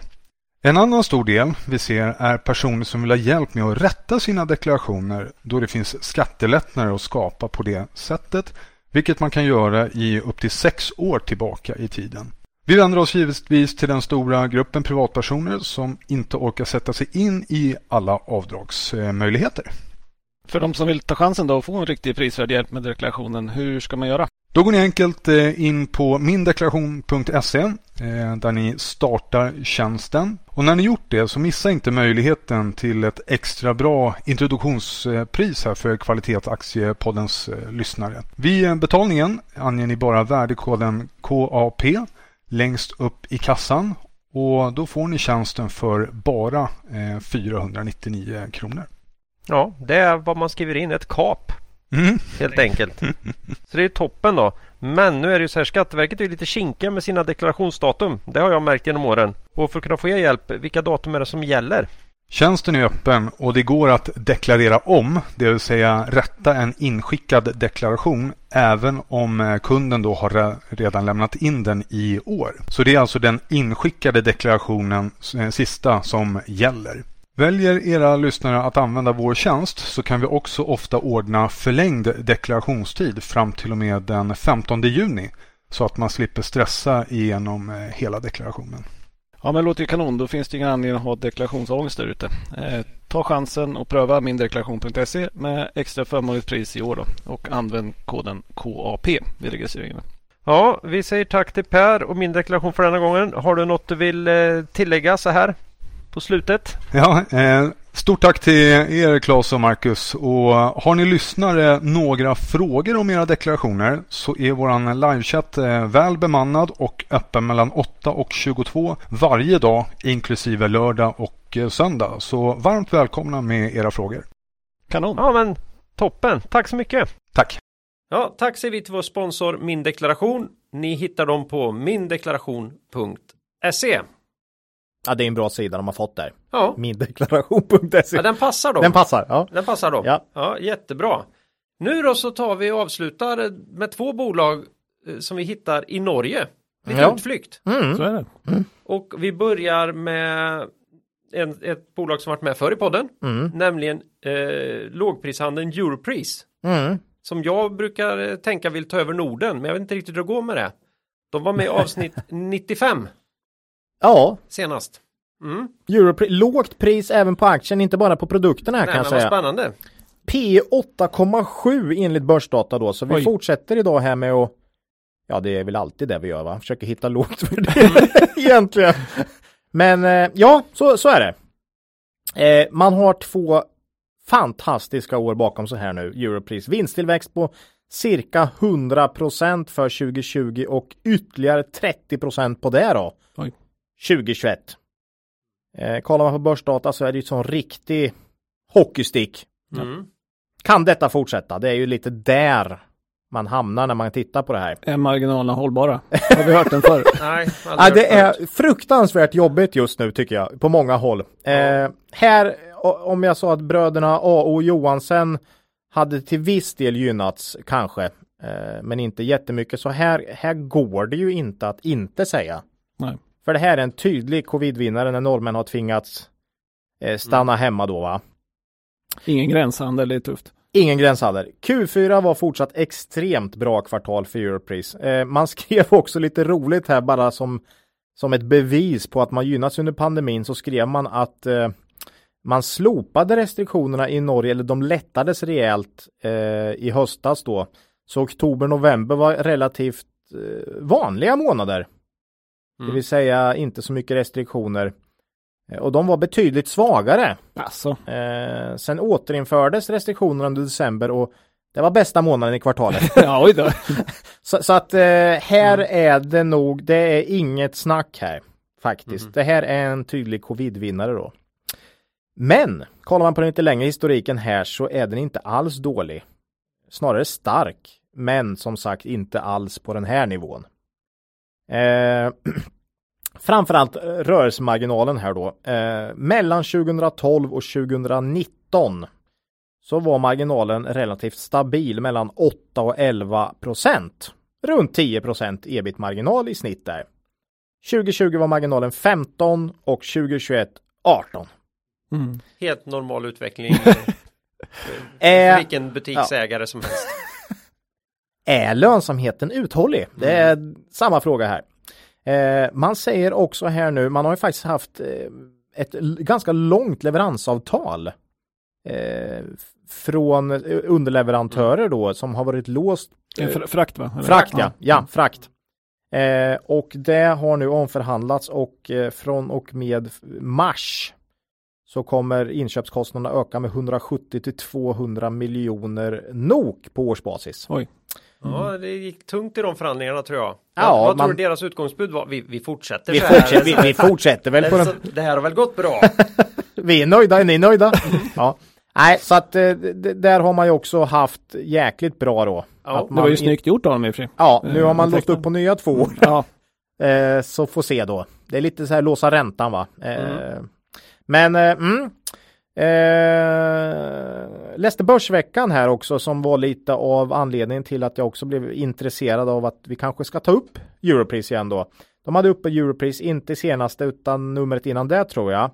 Och där uppskattar de då att vinsten ska ner med 20-25 procent i 2022 Mm. eh, till 5,30 tror jag de hade vinst per aktie och jag tycker det låter rimligt. Ehm, I så fall är det P11 ungefär. mm. Mm. Och det är fortfarande inte dyrt. Nej. Men då ska man komma ihåg att det är marginal på 13,5 procent då som eh, Börsveckan har. Ja. Och som jag sa så var ju ett snitt före pandemin här 10. Mm. Så eh, mm, ska man ner dit så är det ju liksom kanske P16 på Mm. nuvarande omsättning. Så att eh, det blir lite Byggmax-resonemang här. Eh, vad har- är... De hade inga långsiktiga mål själva eller? Nej, Nej. eh, inte vad jag har hittat här. Så att här verkar det verk- som att, ja, what's, vad är det som är det rimliga här? Mm. Eh, ja, sen har vi då ÖB. Ja, hur, Ja. hur går det med AB? Ja, precis. För den, är här ju intressant. Ja, Ja, ni, det har ni ju hört va? Vi har pratat om det förr i den här podden Ola. Mm, man köpte ju in 20 här på Lucia eh, 2019. Ja. Det vill säga bara månader före den här pandemin här. Mm. Eh, skaplig timing på den. skaplig timing och eh, då hade man ju också skrivit till en option om att köpa loss resterande 80% då. Och det skulle då vara knutet till något ebita-resultat eh, för 2019 som jag förstår det. Och nu mer än två år senare är man fortfarande inte överens om vad som var det justerade ebita-resultatet 2019 då. Vil- vilken bullshit earning är det vi ska Ja, det var väl det det. här på? Det var väl inte tillräckligt tydligt skrivet eller någonting eller så Och blev bara det faktum att man säljer något till just justerat ebita, bara Ja. redan där börjar det ju. Sen Ja. tyckte väl ägarna kanske att det gått ganska bra sen dess så att man tyckte Ja. att det kanske Ja. blev lite lågt. Mm. Säkert. Bygg, eh, Byggmax. ÖB har ju klart lägre lönsamhet än, eh, än Europris också. Det vi snackar ju e, låg ensiffrig ebita-marginal här. Ehm, vi, nu, nu, senaste rapporten skrev man att under Q1 så ska det avgöras, men det är lite den här liksom, eh, ja, det har hållit på i två och ett halvt år. Hur mycket längre kan det fortsätta liksom? Men, Mm. men eh, ja, nej, men vi hoppas att det där löser sig. Det skulle vara en trigger tror jag. För det är ju fyra miljarder Mm. som ska in då i deras eh, resultaträkning på omsättning. Inte så mycket resultat då i och för sig, för det är så låg lönsamhet, men jag tror ju att med gemensamma inköp och mer, att man kan åtminstone höja ÖBs marginaler närmare Europris. Borde kunna ha lite synergier kan man tycka. Ja, men kanske tuffare konkurrenssituation i Sverige. Eh, borde vara så. Ja men vi tror ju det med dollarstore och så här så Ja. finns det fler, Mm. fler parter. Eh, så, så att, eh, mm, jag, jag tror det skulle kunna vara en trigger. Men annars så så har man ju bara det här eventuella vinsttappet framför sig här då, skulle jag säga, i Europris. Eh, direktavkastningen är kanon, eh, 7% men då är det en del extra utdelning här för att det går så bra då. Okej. Eh, Det är väl 4,5 på ordinarie ungefär. Eh, ja, summa summarum, det här är ju ett, ett riktigt bra bolag som jag gillar. Eh, aktien är väldigt lågt värderad på nuvarande vinster, men det är inte hållbart tror inte vi. Ehm, jag vill nog se här hur 2022 spelar ut innan jag kollar på det här igen, för vad är normal lönsamhet? Mm. jag säger det igen. Eh, ÖB som sagt kan vara en trigger i närtid, men vi äger inga aktier här och ja, nej, lite som Byggmax. Vi, vi, jag vill se ett mer normalt år eh, innan jag vågar säga något om det här. Mm. Avvakta lite. Avvakta. Ja. Och de har väl också ett samarbete med det finska lågpris Tokmanni heter de va? Tokmanni ja, Tokmanni. Mm. Eh, jag vet inte om det har varit kopplat till det här med frakt och så. Det jo, förmodligen. Ja. Jag tror desto större inköp, desto lägre mm. priser borde det vara. Så att jag, jag, antar att de med ÖB blir ännu bättre på något sätt. Ja. Nej, jag har den här starka känslan att Europris gärna vill bli den stora lågprisaktören i Norden. Mm. Så jag tror att man kommer fortsätta. Det hackar upp nu lite grann på grund av det här strulet i ÖB här. Och sen har man haft fullt upp med att tjäna pengar. Att, ja, jo, det med. Mm. Herregud. Och, och naturligtvis och, utmaningar runt pandemin. Ja. Det är personal, ja. personalintensivt och så här. Ja. Och kunder och anpassningar i butik och ja, man, butik. man skrev, man skrev ja, i rapporten här att man, man var väldigt mm. stolt över personalen som mm. har jobbat så grymt bra under pandemin här då. Ja. Men, men, det är ju svårt också att köpa in saker från Asien och frakta hit det. Ja. Det blir tuffa marginaler om fraktkostnaderna sticker iväg som de har gjort. Ja, nu har de ju spesat då att det blir dyrare här också. Så att, mm. ehm, ja, 2022 blir jättespännande. Ja, den, den, ska bli spännande att se. Det är kul att se vad som händer här. Jag undrar också om de har någon tanke på att branda om ÖB om de skulle få in det där till Europris. Jag tror Eller om de ska Europris, hålla det som ÖB. Europris skulle kunna vara ett starkare varumärke. Ja. Ja, ja vi får se. Mm. Det är inte många i Sverige som vet vad det är men eh, ja. Förutom i Värmland då kanske. Men eh, som sagt var ÖB har inga fantastiska marginaler. Man undrar hur starkt varumärket är. Det kanske Nej, går kanske att göra inte. någonting. Ja. Mm. ja, det blir spännande. Men 2022 spännande. vill jag gärna se innan jag eh, innan jag känner att jag blir riktigt sugen så att säga. Mm. Mm och då en rimlig värdering ja. med den så att säga. Just det. Ja, då är det dags för sista norska bolaget ut här då och bolag överhuvudtaget idag och det här är en nykomling. Härligt! Som doftar av både ESG och just hav. Mm. För det är nykomlingen hav som Macke ska prata om. Fan, jag får den här ostron Känslan ja. Känslan i, i munnen. Mm. Mm. Hav Group. Nej, jag Gammal skulle... död tång doftar det här. jag trodde du skulle fråga om vi skulle ut på djupt vatten nu. Ja, det hade ju varit äh, en klassisk Klas. Wow, det hade varit. Nu ska vi, ja, vi nu känner vi... inte riktigt i slag här idag. Nej, nej, nej. nej jag kan säga, nu ska vi ut på djupt vatten. ja, det ska vi. Mm. Nej, men det, det blir intressant. Det här är ju det är ett nytt bolag i podden, men det är även nytt som noterat bolag eh, tämligen. Eh, för man noterade så sent som den 4 mars 2021 då. Mm. Eh, ett år ungefär. Och sen är han på Euronext Growth och inte på huvudlistan i Norge då. Så att, um, Euronext är det här som har fått så mycket kritik eller vad? Ja, Euronext är ju det stora, stora börsen. Men just Euronext Growth är väl det som hette Mercure Market förut. Ja, så var det. Där det regnade in bolag ett tag och ja, ja. särskilt många techbolag har ju Av fått lite problem. kvalitet mm, mm, kan man brukar, säga att det var. brukar vara så. Ja, fint, jag vill säga, norska tillsynsmyndigheten var ju inte heller helt nöjda med exakt hur det har gått till det där. Nej. Vi får se. Mm. Eh, men, men där, där, kom de in i alla fall. Eh, det var ju lite speciella omständigheter då för att de hamnade där. För att den här verksamheten har funnits ganska länge inom Havyard Group. Eh, men noterade sen när Havyard kom i finansiella trångmål och behövde liksom få in kapital helt enkelt. Och då samlade man fyra olika verksamheter som var inom Havyard i ett separat bolag och så sålde man ut det här och kallade det för Hav Group då. Ledningen i Hav Group kommenterade det här med att nu är en diamant kommit ut i ljuset. Oh. Så de var lite glada att få, få lämna varvet där. Ja. Eh, Havyard ägde 66 procent eh, i början då, men delade i december 2021 eh, ganska nyligen alltså ut hälften eh, och äger nu 33 procent. Men det är väl rimligt att anta att det blir ett visst säljtryck då när man delar ut aktier till alla sina aktieägare. Mm. Men vad är HAV för någonting då? Jo, men det har ganska stor likheter med Neckar mm. som vi tagit upp flera gånger i podden och inte bara för att båda är norska då. Eh, okay, det var den jag tänkte säga att där har jag, ser jag en tydlig likhet. Ja, och det, det, är en likhet. Mm. Nej, men man har också en kombination av etablerade verksamheter med optionsliknande element. Då. Eh, båda drivs också med negativt rörelsekapital på grund av att man får stora förskott från kunder då. Eh, och båda är lågt värderade, eh, förefaller vara. Eh, har dock en mer utpräglad ESG-profil än vad Neckar har och man har visionen Sustainable Future at Sea som sin slogan. Mm. Eh, men båda har eh, fyra affärsområden som man arbetar igenom så jag tänkte köra en genomgång av dem. Ja, de, är, de är så lika. Jag blandar ihop de här två nästan i mitt huvud till och från för de är så pass lika i sitt utseende med de här fyra olika affärsområdena. Ja, ja det är mycket likheter ja. faktiskt. Eh, det första eh, affärsområdet heter HAV Design. Man arbetar med speciella designlösningar baserade på simuleringar för att få kunders fartyg att bli, bli mer miljövänliga och dra mindre bränsle. Det vill säga man optimerar bränsleåtgång, vindfång och så vidare. Man kan, eh, det kan vara ombyggnader men kan vara nybyggnation och eh, man anger att man har lagt väldigt mycket tid på att utveckla de här designerna. Eh, sålt design till 120 bolag globalt sett. Eh, omsatt i Q4 113 miljoner, det var upp från 29 förra året. Oj. Väldigt kraftig ökning. Oj. Eh, helåret 627 miljoner NOK i, i omsättning och upp från 248 då. Så väldigt kraftig ökning i det området.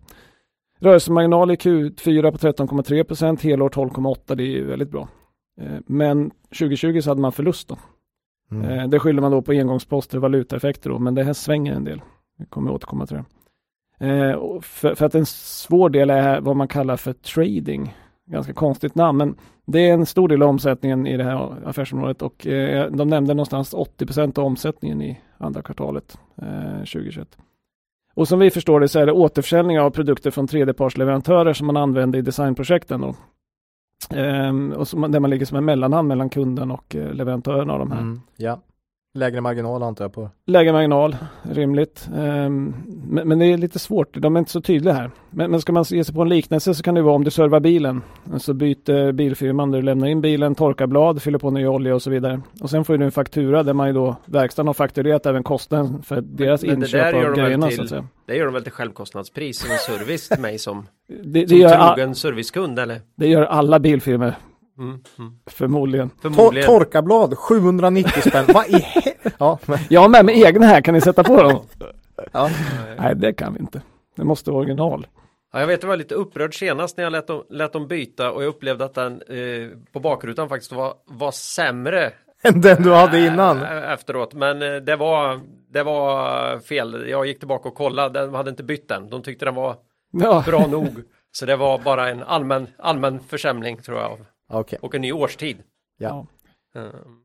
Ja, nej men i alla fall det är så här det området, eh, designprocessen funkar då. Och man kan köpa olika mycket tredjeparts eh, produkter då. Men, men, man har inte så tydliga beskrivningar av det här. Så det är lite svårt att hänga med på hur mycket det är och hur det påverkar marginaler och så. Här, här kan bolaget förbättra sig en del. Mm. Eh, sen har man ett område som heter Norwegian Green Tech. Design, leverans, installation och service av effektiva system för rening av vatten. Och det största är barlastvatten i båtar då. Det har inte funnits krav på sånt tidigare, men deras system anser de är bra då på att installera på redan byggda båtar för att det är en liten och flexibel installation. Eh, och det är bra då för att det kommer nya regler från 2019 eh, som skapat en boom i den här marknaden för barlastrening. För alla båtar ska ha sådana system till 2024. Det har ju varit en del snack vet jag historiskt om att man har liksom tagit vatten någonstans och så pumpar ut någon annanstans och så kommer det med en massa ja, konstigheter som man inte vill ha med. Mm. Ja, framförallt så kan man ju flytta på olika typer av vattenlevande organismer. Mm. Flytta dem till ställen där de inte vill kanske vara. ska vara. Mm. Men så. även, även eh, att eh, vattenkvaliteten kan vara jädrigt dålig i, i, på vissa ställen och man har helt andra krav på andra ställen så att det finns nog mycket att göra i det där. Ja, och det här är upp till 60 000 fartyg. Mm som ska byta då. Och det är ganska kort tid, sen vet man inte om det kan förlängas tidsfristen och sådär. Men, men HAV säger att man är inte ensamma här utan det finns ju ett 50-tal olika leverantörer. Ja. Eh, men ofta stöter man själv på 5 10 stycken i, när man offererar de här. Då.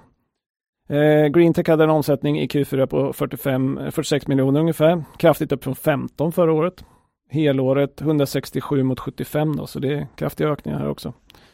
Eh, marginal på 7,8 och på helåret 8,5 då, så helt okej. Okay.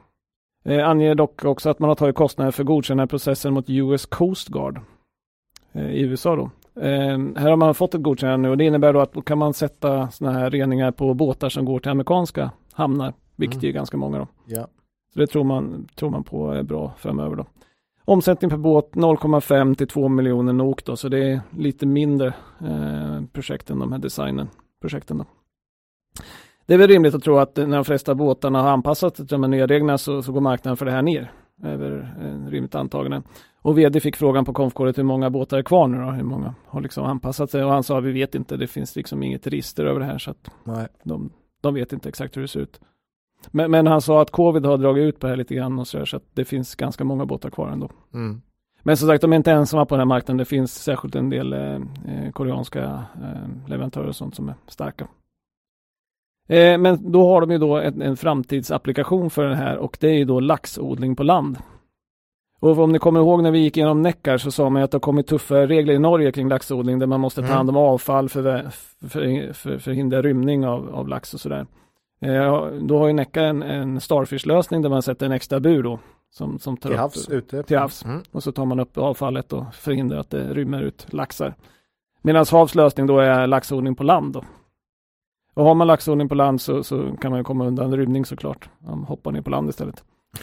Jaha. Det blir inte så effektivt. Det eh, funkar inte så bra. Nej. Nej, inte för laxen i alla fall.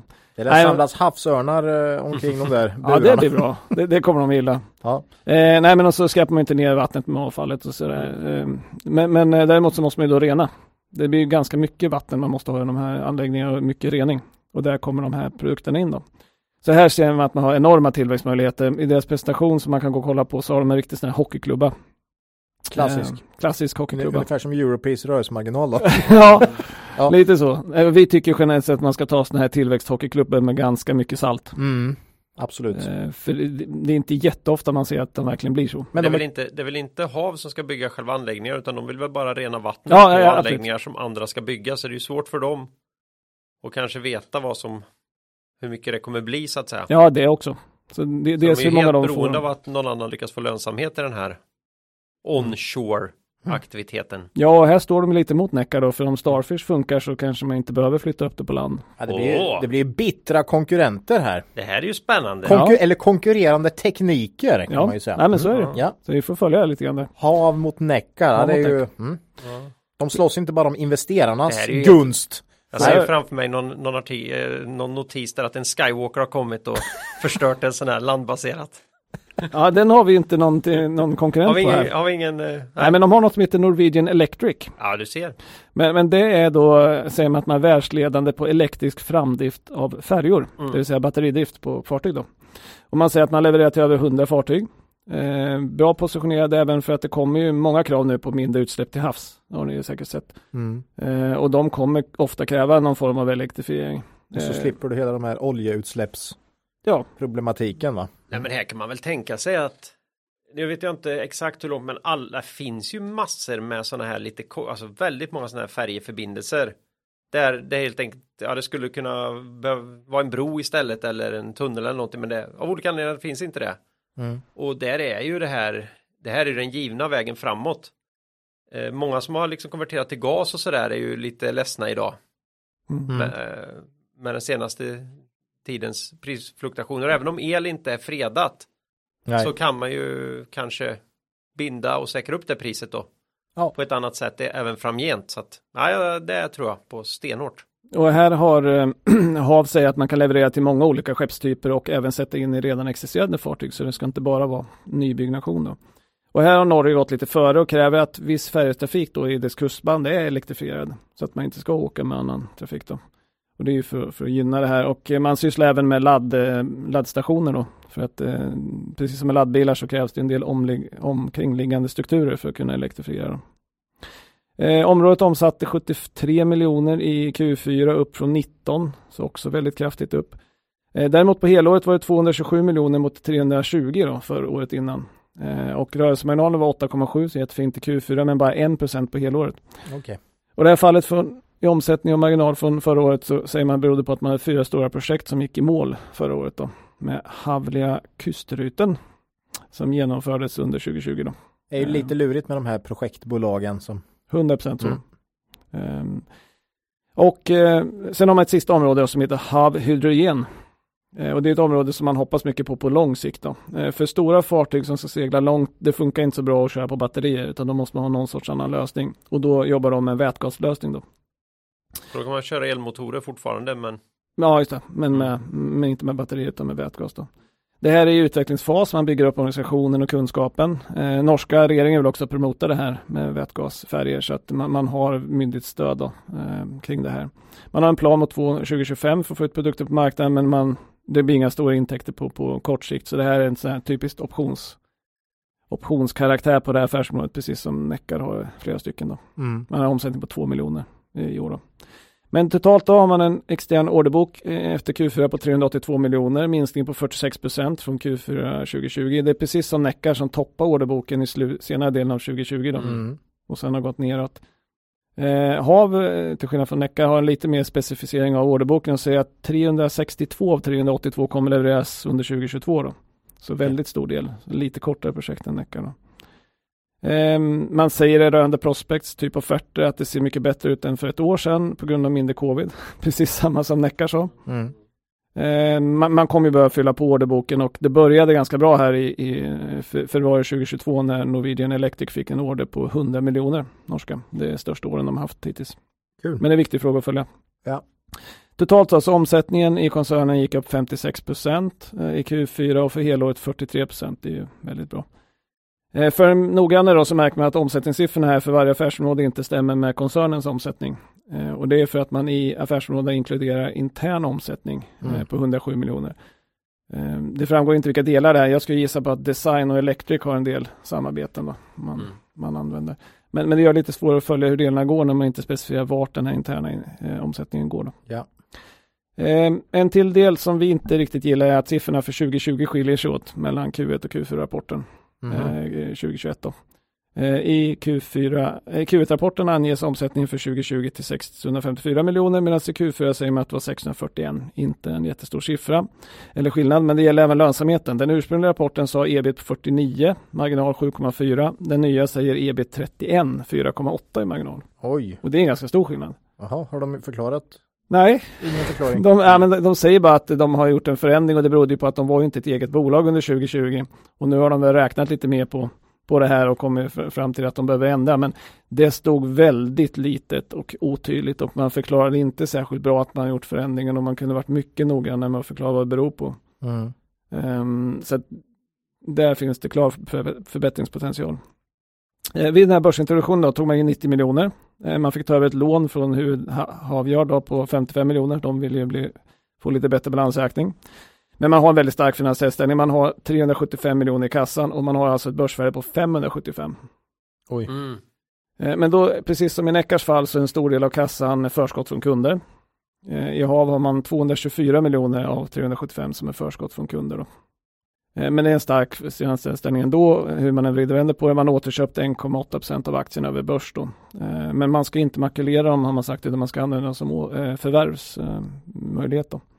Och så sa man att man gärna köpt snabbare, men att det är ganska tunn handel. Och det ska man ha med sig också. Så att de kunde inte köpa snabbare. Man informerade i samband med Q4-rapporten om ett nytt finansiellt mål. Då. Man ska omsätta 1,3 miljarder 2025. Så en bra bit bort. Satt i relation till omsättningen 2021 då, så en tillväxt på 9% per år. Mm. Ganska ordentlig nedväxling ändå mot vad, vad årets var. Det får man se som någon sorts eh, liksom indikation på att man tyckte att årets tillväxttakt var eh, liksom inte rimlig att fortsätta på sikt. Då, så, att Nej. så 9 eh, säger man att man kan förvänta sig. Jag skulle gissa att eh, 2022 blir det ändå mindre. Eh, att det var lite dopat 2021, men vi får se. Mm. Så vad tycker vi om HAV då? Eh, sammanfattningsvis rätt likt Neckar i väldigt många avseenden. Ehm, eh, dock är inte core business i HAV lika stabil som i Neckar. Vi, vi har längre historik med stabilare omsättningsökningar och bättre marginaler i, i Neckar och förstår den businessen lite bättre, skulle jag säga. Eh, och det är bland annat det stora inslaget av det som de kallar trading då, den här återförsäljningen av tredjehandsprodukter. Eh, lågt värderat bolag. Vinst per aktie 2021 2,52 norska Aktiekurs 16,50 norska P 6,5. Oj, herregud. Det, Så, det är inga höga P vi fiskar upp här idag. Men, nej, är, men, är, men är de hållbara? Nej. Är de hållbara? Ja, nej, men man ska också ta i beaktande att man hade väldigt låg skatt eh, i det här resultatet eh, 2021. Okay. Eh, mer normal skatt 22 procent och så hade vinst per aktie varit 1,98 men det är P 8,3 så det är fortfarande lågt liksom, med, med nettokassa. Borde vara klockrent ESG-case. Ja, det är definitivt nästan varje del här är ju någonting som svenska ESG-förvaltare borde kunna hugga tag i. Ligger rätt i tiden. Mm. Eh, lite märkligt att de inte hittar bolaget, men det, det, verkar bara vara en enda analytiker som följer det här, som är på Fernley Securities. Aldrig hört talas om. Nej, inte jag det. Men deras analys låg bakom en betalvägg, så den kom vi inte åt heller då. Nej. Hemligt. Man, mm. man, fick frågan faktiskt på konfkåret om man hade tänkt sig att skaffa bolagsanalys som man betalar för, som man gav ut för att bli lite mer kända. Mm. Men sa att man inte ville det, men att man hade diskussioner med olika eh, analytiker om att ta upp bevakning då. Okej. Mm. Eh, Men vårt problem då, vi har ju inte lyckats hitta något sätt att göra vettiga prognoser. Det, det svänger jättemycket mellan kvartalen, det är projektverksamhet, affärsområdena går lite olika. Ehm, Det är svårt att hitta vettig historik. Ehm, Ändrade siffrorna för 2020 utan att ge någon bra beskrivning, det stökar till det för oss. Mm. Ehm, Så att eh, intressant bolag, eh, värt att för lyssnarna att titta noggrannare på. Eh, Särskilt om man kan någonting om de här olika delarna så kan det vara väldigt intressant. Mm. Ehm, Då kan man göra bättre bedömningar av dem. Så att, ehm, ja, intressant bolag, intressant nisch, borde vara ESG, lågt värderat. Eh, Men, vi har, vi har Extremt svårt att göra prognoser. svårt att göra prognoser, det Ja. gillar inte riktigt vi och det är ganska nytt också så det är lite svårare för oss. Ja, det är ju det här, är det P8,5 eller är det egentligen P15? Vem vet? Det är Ja. Svårt Mm. om man inte kan göra prognoser. Ja, det är svårt. Mm. Och Vi, vi gillar ju också att ha lite längre historik så vi är lite Ja. säkra på det. Så vi kommer ju fortsätta följa det så får vi se vad vi kommer fram och till i meckar. Mm. Mm. framtiden. Ja, kul. Får Bra vi se vart Macke. detta vägen. Mm. Mm. Ja, tack så jättemycket. Ja. Eh, det var alla bolagen. Mm. Ja, då är det, börjar det bli dags att knyta ihop säcken. Ja, Och eh, ute i det fina vädret. ja, det var lite dimmigt idag, men annars var det fortsatt fint. Har det släppt Ola? Nej, det är kanonfint ute nu. Så. Ja, då ökar vi. Eh, nästa avsnitt är ju 114. Kommer Mm. ut den eh, 31 mars och då hoppas vi återigen att Ryssland slutat mörda civilbefolkningen i Ukraina. Ja, det Det hoppas hoppas, vi. vi. Det hoppas vi på. Mm. Eh, man kan mejla till oss, eh, gärna på kontaktet kvalitetsaktiepodden.se eller kommentera på Twitter eller på vår hemsida. Så är det. Och jag skulle påstå att vi eh, är ju verkligen med nu i matchen. Och svarar i alla fall på mejl. Ja, det På har Twitter blivit... får vi fortsatt frågor av en typ som vi inte ofta som vi inte gärna svarar på, men vi är där och vi ser allt. Mm. Vi läser, men det är ju svårt när vi får frågor, särskilt vad vi gör, så, så känner vi inte att vi kan svara på det. För vi Nej. vill ju, som, som vi har svarat nu här, vi vill kunna ge ett resonemang kring varför vi gör något, inte bara att någon gör som vi gör för att vi gör så. Och vi har ju valt att ha en podd då. Mm. Ja. Eh, så är det. Däremot kan man ju ställa frågor på Twitter som vi kan ta upp i podden. Ja, Det så, händer. så har det hänt, eh, absolut. Det händer. Ja, slutligt då, någon riktig makro eller te värt att ta upp idag? nej men du kanske har något eller? Ja, Du har Faktiskt. det? Ja, Okej.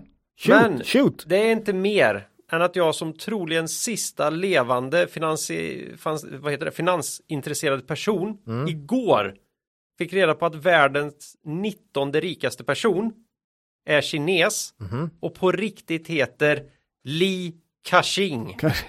Ja, ja det, är, det är ett bra namn. Mm. Men däremot vet jag ju att den fattigaste kinesen, i alla fall för 30 år sedan, hette Tom Peng Pung. Ja, den kommer jag ihåg. det, det är ju bekant. Ja, Det kommer jag ihåg, han körde för det länge sedan. bekant. Ja. Kaching. Ja, nej, det är bra. Ka-ching. Det är som min eh, kompis tandläkaren. Jag har Mm. haft upp honom i- tidigare i podden. Jag har en kompis som är tandläkare. Han brukar köra det när man dricker Coca-Cola va? Mm. Kaching! säger han. Eller tar en godis. Eller tar en godis. Ja, Det och då egentligen så hyllar han alltså bara en för mig tidigare okänd kinesisk miljardär. Det är Ja. konstigt. Det är precis. Ja, Mm. det kan man inte tro. Ja, Kanske därifrån det kommer. Mm. kan vara. Man har trott att det var ett annat ljud kan man säga. Ja. Ja, så var det med det. Eh, eget ägande, kan vi reda ut det idag? Det Ja. brukar gå jättebra. Ja, vi ska- pratade faktiskt ganska mycket om eh, Vedbergs. Svedbergs. Det är ju vårt största innehav Mm. eh, i bolaget här. Så det ska ju definitivt med. Sen har vi ju Catella och vi har AO Johansen också lite mindre poster då. Mm. Och sen eh, pratar vi om Björn Borg. Har inte jag. Det har jag lite privat i, Mm. i pensionen. Det har jag med. Eh, sen, sen var det nog inte mer. Ingen Europris, inga hav. Nej. nej. Okej, och då är vi väl klara med det va? Ja just det, jag har Swedish Match i Swedish. Match hade du uppe. Ja, Ja. Det är cigarrbolaget där då. ja Ja, Mm. tyvärr. tyvärr. Mm. Än så länge. Så är det. Ja, så innan vi skiljs åt vill vi bara påminna lyssnarna om den fina möjligheten som finns att månadsspara i Cavaliers fonder. Eh, det kan man göra enkelt via via bland annat Nordnet, Avanza och Saver. Okej. Och då ska man komma ihåg att historisk avkastning i fonder inte behöver vara en indikator på framtida avkastning och att ni kan förlora delar av ert satsade kapital då fonder kan både gå upp och ner i värde. Och, och är man lite nyare lyssnare av den här podden och undrar om eh, ja, poddmakarnas investeringsfilosofi så gick vi igenom det ordentligt i avsnitt 108. Mm. Mm. Eh, Och har man en möjlighet och ännu inte skänkt en slant eller bidragit till en insamling till förmån för Ukrainas hårt ansatta befolkning så uppmanar vi alla lyssnare att göra det. Men nu säger vi hej då för den här gången och ber er komma ihåg att Det är först när tidvattnet drar sig tillbaka som du får se vem som badat naken. Lose money for the firm and I will be understanding. Lose a shred of reputation for the firm and I will be ruthless. I welcome your questions.